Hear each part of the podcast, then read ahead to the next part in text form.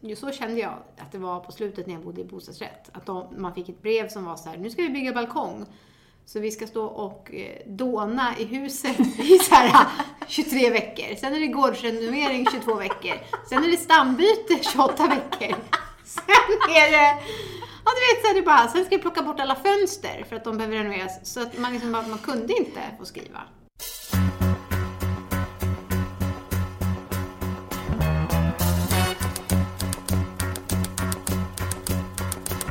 Den här podden handlar om vår kamp att romandebutera. Om allt det där som är före det glammiga. Allt slit. Ångesten. Hur vi kämpar vidare genom regnet och refuser och fortsätter redigera, trots blodsmak i munnen. Vi pratar om hur man ska våga tro på sitt projekt och på sig själv, även när ingen annan gör det. Det är jag som är Nina De är. Och det är jag som är Johanna de Valiant. Och vi tänker debutera. Eller dö. Tumble out of bed and I stumble to the kitchen. Pour myself a cup of ambition and yawn and stretch and try to come to life. Jump in the shower and the blood starts pumping. Out on the streets, the traffic starts jumping. With folks like me on the job from nine to five. Working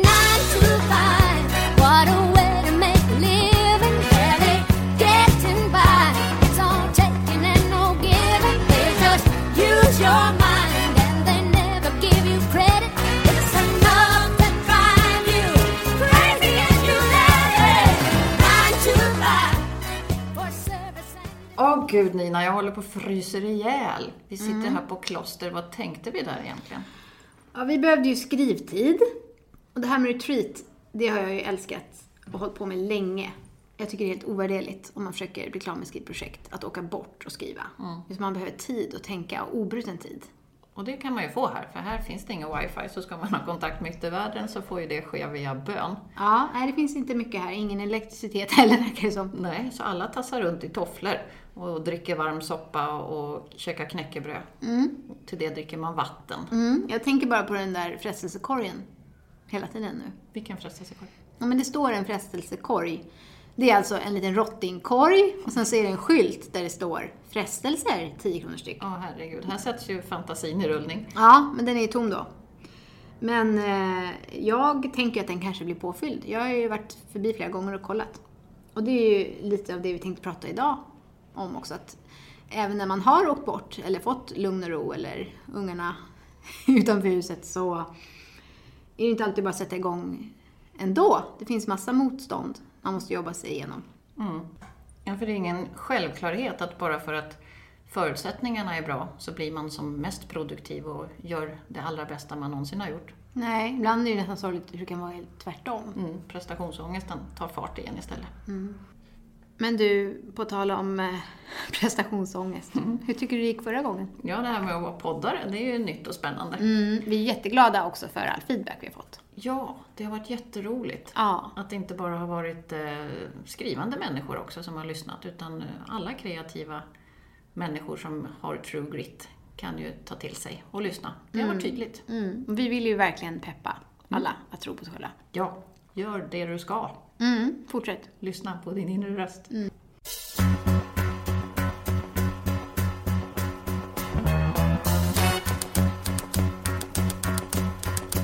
Ja, men som i helgen när jag och min man satt vid frukostbordet och gick igenom post som vi fått i veckan.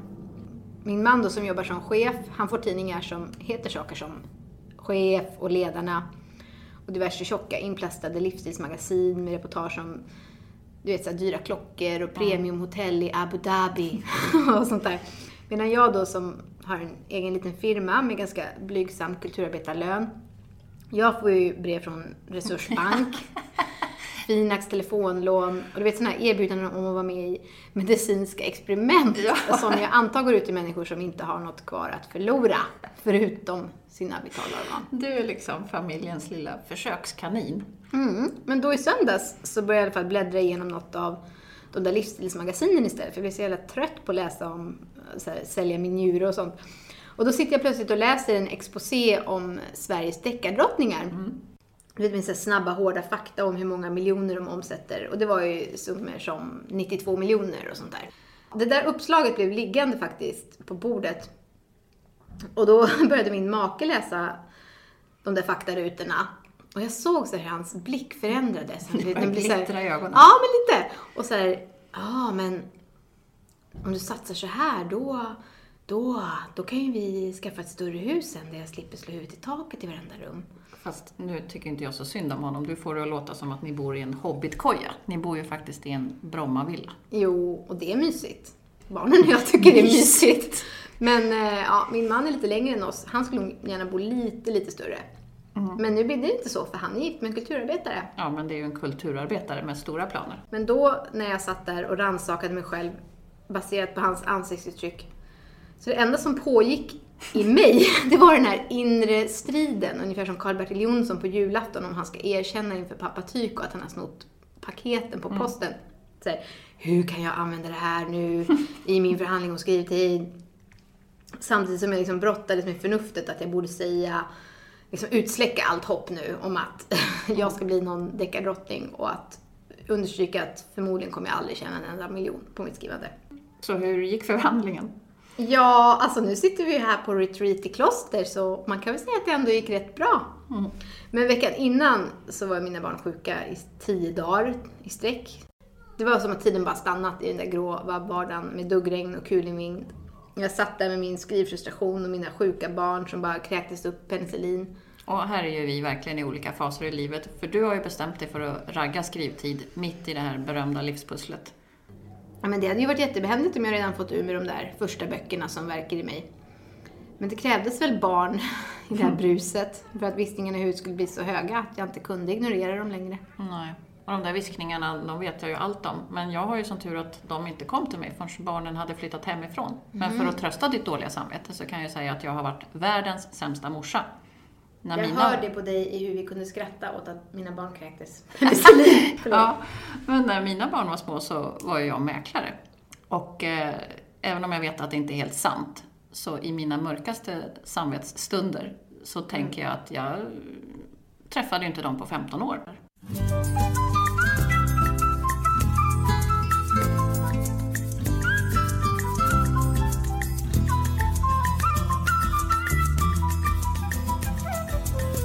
Jag gråter för dig, för mig, för allt vi tjavar på. Jag gråter för dig, för mig, för att inget är självklart och mycket svårt. Jag gråter över det fina, det enkla och allt som var rent. Jag gråter för nu är allt skitigt och kanske också för sent. Kunde jag vrida tiden tillbaka om det stod i min makt Då så mycket ogjort och numera osagt Tillbaka till det dåliga samvetet. Mm, det är ju en ständigt återkommande känsla man har som skrivande människa. Jag törs ju inte berätta för min man hur ofta jag tänker på att bara lämna allt för att åka till en öde ö och leva på Nutrilett och koffeintabletter så jag slipper äta och sova. Utan bara skriva. Mm, nej, men det är ju den där fantasin som är lite så ful att ha. Det var som när jag fick i julklapp av min man att hela familjen skulle åka till Dubai på semester. Och jag minns att jag bara så här, ja, tio dagar säger du? Ja. Mm. Och så egentligen så kände jag ju att den bästa julklappen, och det här är ju hemskt att säga, Han lyssnar inte. Nej, och, och det är ju också faktiskt, du förstår ju, för du vet ju det när man är mitt i en process med ett manus. Att jag tänkte att det bästa vore om han kunde ta barnen till Dubai i tio dagar. Att det var julklappen. Så att jag fick huset för mig själv kunde redigera. Jag har precis varit på long weekend med min man, en kärlekssemester. Och det vidriga i det hela är ju att Ni skulle Dagarna. säga vidriga i det hela direkt. Ja. dagarna gick jag ju bara och tänkte på mina karaktärer, fast vi skulle titta på andra saker och umgås. Och på kvällarna låg jag och hoppades att han snart skulle somna, för då drog jag fram min dator som jag hade gömt under sängen.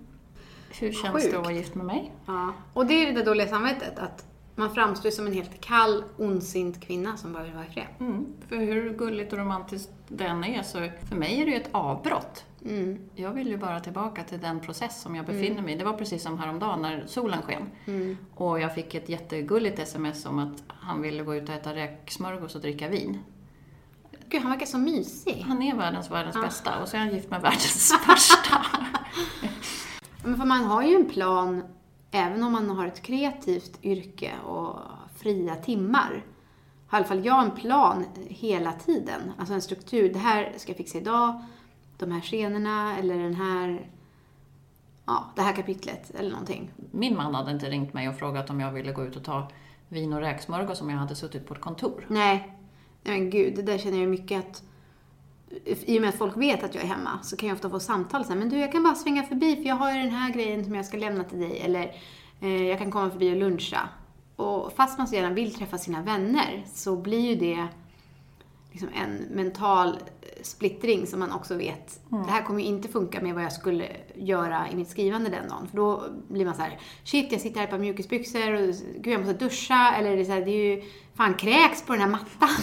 typ så här, eller har ett diskberget eller någonting. Och sen så börjar man hålla på och greja med en massa annat jox. Och så kanske man måste bjuda på något annat än typ bananmacka. Och även om det då är jättetrevligt att ses så blir det ju typ ingenting Och den det, tar dagen. ju, det tar ju inte bara den där lunchen, det tar ju massa ställtid Ja. innan och efter och städning och frisyrer och... Ja, och sen är det jättejobbigt samtidigt att vara den där som säger nej och är så tråkig och asocial. Men det är väldigt svårt att förmedla just hur man måste verkligen slåss om varenda minut alltså av skrivtid, för man har så lite. Dilemmat är väl att hur man än gör så har man dåligt samvete. Låt mig vara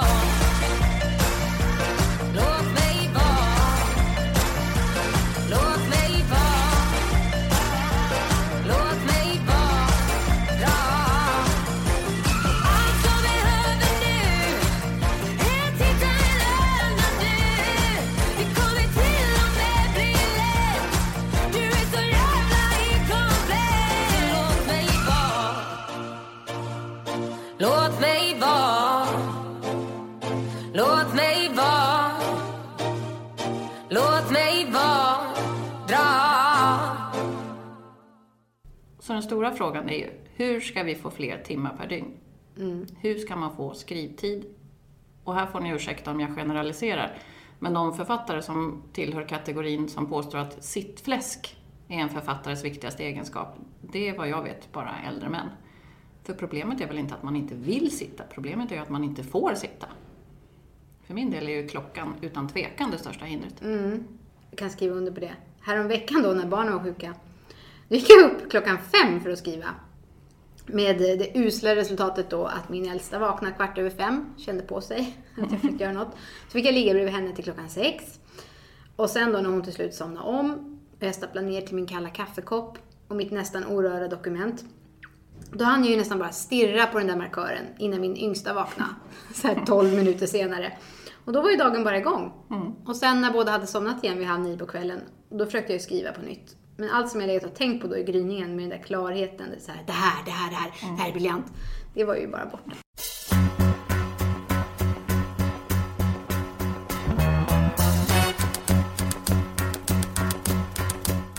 Den aspekt vi inte har tagit upp när det gäller tid, det är ju hur fort klockan går. Mm, hemskt fort. När man kommer in i ett kreativt skede, när man är i ett flow och man har en hel skrivdag. Vi säger att mannen går till jobbet och sen så äter jag frukost, sätter mig vid min skrivmaskin. Och då känns det ju så långt just då, som att man har så oändligt mycket tid. Ja, alltså man går in i den här bubblan. Och sen så står han plötsligt i köket och jag tänker, har du glömt mobilen eller är du bara hemma för att ta en förmiddagsfika? Men då har han jobbat en hel dag och min skrivdag är slut. Men får du inte ångest vid sådana tillfällen, över att det är slut? Jo, som ett tjurigt litet barn som inte vill lämna mina kompisar på dagis. Så kan jag få ångest, att jag måste lämna den här världen som jag befinner mig i. Men då tänker du inte på ditt resultat och vad du uppnått under dagen? Jag är mer helt uppslukad av processen, av den skrivglädje jag känner. För jag kan nog känna att det är okej att lämna min värld om jag har spenderat åtta timmar där, men jag blir på jättedåligt humör om jag inte känner att jag uppnått de mål jag hade för dagen. Att jag skulle redigera om en scen eller få till någonting bra som jag har gått och gnagt på. Men det vi pratar om mer just nu är ju att jag tänker att de här åtta timmarna känns som en timma. Skrivtid funkar helt enkelt inte likadant som vanlig tid.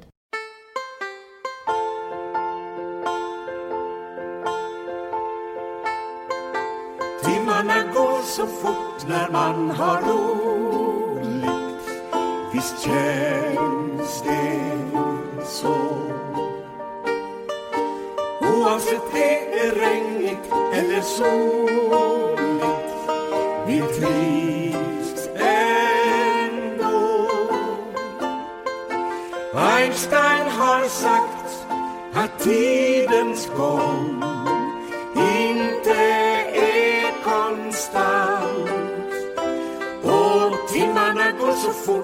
när man har roligt Det är så sant Ibland tar ju allting oresonligt lång tid. Och när man då kommer in i någon eh, stadium där man har fått feedback och de vill att man ska eh, göra om eller ta bort en karaktär eller ja, tycker att man ska göra någon större förändring på hela manuset. Då känns det ju som en sju mila marsch framför sig. Som man inte förstår hur det rimligtvis ska gå att få in i schemat. Att Nej. hur man någonsin ska få ut en bok innan man dör. Nej, men det är ju som två olika perspektiv på det där. Att man kan ju se ibland när man får feedback att ja, men det blir bättre om du tar bort den där karaktären. Och så det andra perspektivet, det är ju när man räknar ner så här, hur många timmar, dagar, år har jag lagt på att skriva in den där karaktären och grejat med den och hela tiden hållt, förhållit mig till den. Och nu, om jag ska ta bort den i hela manuset, så är det liksom ett år till kanske. I värsta fall. Ibland kan man väl riva av det på någon månad eller två. Men det är ju ändå, det är ju, jag har precis tagit bort en karaktär. Då märker man att det blir ju ändå som en hinna av närvaro. Även om man tar bort dialog och liksom att nu har han, han varit död i fyra år istället för att han dog i kapitel ett. Men det finns ju ändå kvar en närvaro i det här subtila som tar skitlång tid att redigera bort. Och där är det ju verkligen så att jag kan gråta när jag tänker på att jag har lämnat mina barn på förskolan och gått hem och skrivit den där karaktären och nu så lägger jag tid på att ta bort den. Det är så här, vad är jag för jävla skitmorsa? Och jag känner att jag har lagt så mycket tid, tid då jag skulle ha kunnat jobba och tjäna pengar. För jag har ju gått ner på deltid för att skriva det här. Och då när någon säger åt mig att den här karaktären är inte tillräckligt bra, antingen måste du förbättra eller ta bort. Då känns det ju på något sätt så väldigt mycket enklare att förbättra. För annars så måste jag kasta något Ja, som jag har lagt kostar det tid ju på. mer. Det är ju Eller pengar liksom. Det skär mer i själen att slänga än att göra något halvbra bra. Jag tänker ju att man måste gå på en massa nitar som författare. Det ingår i jobbet att prova en massa saker och göra fel. Att skriva in en karaktär för att se vad som händer kan ibland vara nödvändigt. Och sen så inser man att nej, men den konkurrerade med den eller det blev fel. Liksom, du fick inte fram det du ville förmedla och då får man ta bort den igen. Ibland måste man bara göra sådana experiment. Även om det är jobbigt och tidsödande. Och det beror på hur man skriver. En del är ju väldigt noga med sitt synopsis. Och andra så skriver mer på känsla. Och det är ju, då blir det mer trial and error. Jag har ju skrivit bara på känsla, första varvet. Så att det har ju varit en väldigt lång väg att gå. Väldigt tidsödande. Nu när jag sitter här och draggar en droppar för att få ihop det här till ett manus så blir jag helt nervös när jag tänker på att du sitter och slipar på ditt slut. När jag har så himla mycket kvar. Ja, det är slutet bara vet du. Så i det här fallet så är ju dina sjuka barn min räddning. Ja, de, jag tror att de håller på att få något igen nu hemma. Perfekt, för jag har ju tänkt att jag ska vinna det här badet.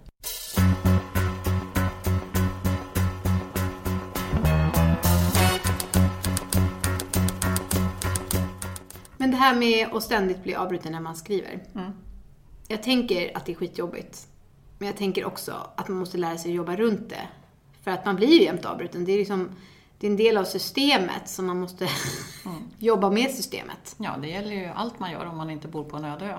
Mm, men jag tänker att även när man har tid och förutsättningar så kan man ju se fan på att det visar sig att man ska vara på cellprov om 15 minuter i Alvik. När man väl har satt sig vid datorn. Eller att det ringer på dörren och det är någon sån här miljö, fin miljömänniska. Det finns något som heter Viskogen.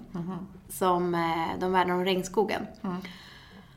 Jag vet inte hur många sådana pitchar jag har lyssnat på och sen blivit månadsprenumerant för att så, värna om några träd. Du gick på det bara för att bli av med dem. Nej men jag, alltså, jag gick ju igång helt, liksom min klimatångest maxades. när eh, de berättar och såna grejer. Men just att det är, ja, det blir ju ständiga avbrott. Sen så är sotan plötsligt på taket och skriker så här, jag ska kolla den här ventilen! när man sitter där i sin lilla så här, skrivvrå och försöker få ro att ta bort den där karaktären. Men du får som- ju flytta till lägenhet. det var ju ännu värre. Alltså jag flyttade från lägenhet för att där var det alltid någon sån här lapp som kom. Nu ska vi bygga balkonger, så vi ska stå med slagborr i huset i 22 veckor i sträck. Men det är så kul att du just har flyttat från lägenhet till villa och jag har precis gjort tvärtom. För jag minns ju stressen med trädgård och tak som läckte och en varmvattenberedare som gått sönder och ett träd som ska planteras. Ja, du vet allt det där. Det, det var ju knappast en fridsam tillvaro om du frågar mig. Men det här bevisar ju bara att kampen om skrivtid, det är ett svårlöst problem. Man får aldrig vara i fred. Låt mig vara Låt mig vara Låt mig vara Dra Ja, men det är ju värre när man har förutsättningarna och inte lyckas ta dem. Som när man... Det blir ju bara ingenting gjort fast man sitter vid datorn. Eller att man inte kan koncentrera sig och börja så här, kolla andra grejer och kolla Facebook och allt det där. Jag, märker, jag kan ju också bli stressad bara av andra som eh, inte gör saker. Att jag har svårt att bara förbise det. Som, det är någon här på retreatet som mer softar och bara sitter i soffan och kollar på TV. Och när jag går förbi så blir jag så här. Du har ju alla förutsättningar. Varför, gör, varför skriver du inte eller gör någonting? Det är en Jack Torrance. Ja, som eh, in. tid. Ja. Och jag märker ju hur det när min stress. Mm. Då, som är den jag känner. Den personen, det är väl jätteskönt för den att få sitta där och kolla på TV. Men att jag kan jaga upp mig för den personen. Men vi vet ju inte. Det kanske är en övergiven författaränka. Det, det är ju så att det är inte så romantiskt att vara en skrivande person. Nej, det är det verkligen inte. Man är ju inte ens en gång kontaktbar. Nej. Men man kan ju inte heller kalla det skrivretreat om man hoppas få några minuter över och skriva på spat. Så här mellan champagnen och massagen och yogan. Där tänker jag att man verkligen måste åka själv, eller med någon annan som skriver. Och att det ska vara klart från början, liksom, i arbetsbeskrivningen. Men du, vi kan ju inte sitta här längre och slappa. Vi måste ju sätta igång och skriva. Jag har ett vad att vinna faktiskt. Har du ett vad att vinna? Ja, kan du ge det på. Vi måste vara rädda om vår tid här på klostret. Ja, det är faktiskt därför vi är här. För vi tänker ju debutera. Eller dö. Och nästa gång så kommer vi att prata om att leva sin dröm. Och då är det kul om ni hänger på. Mm. Så länge får ni gärna hänga med oss på sociala medier om ni vill. Kolla in vår Facebook-sida med samma namn som podden. Och på Instagram heter jag Nina Diar i ett ord. Och jag heter Johanna de Valiant i ett ord. Och vi organiserar oss även under hashtaggen debutera eller dö på Insta, där vi kollar ofta. Använd den om ni också känner att ni vill debutera eller dö. Eller om ni bara gillar vår podd. Mm. Skriv som det gällde livet så hörs vi igen. Gud, nu behöver jag en frestelse. Kanske skulle passa med lite smuggelvin. Ja!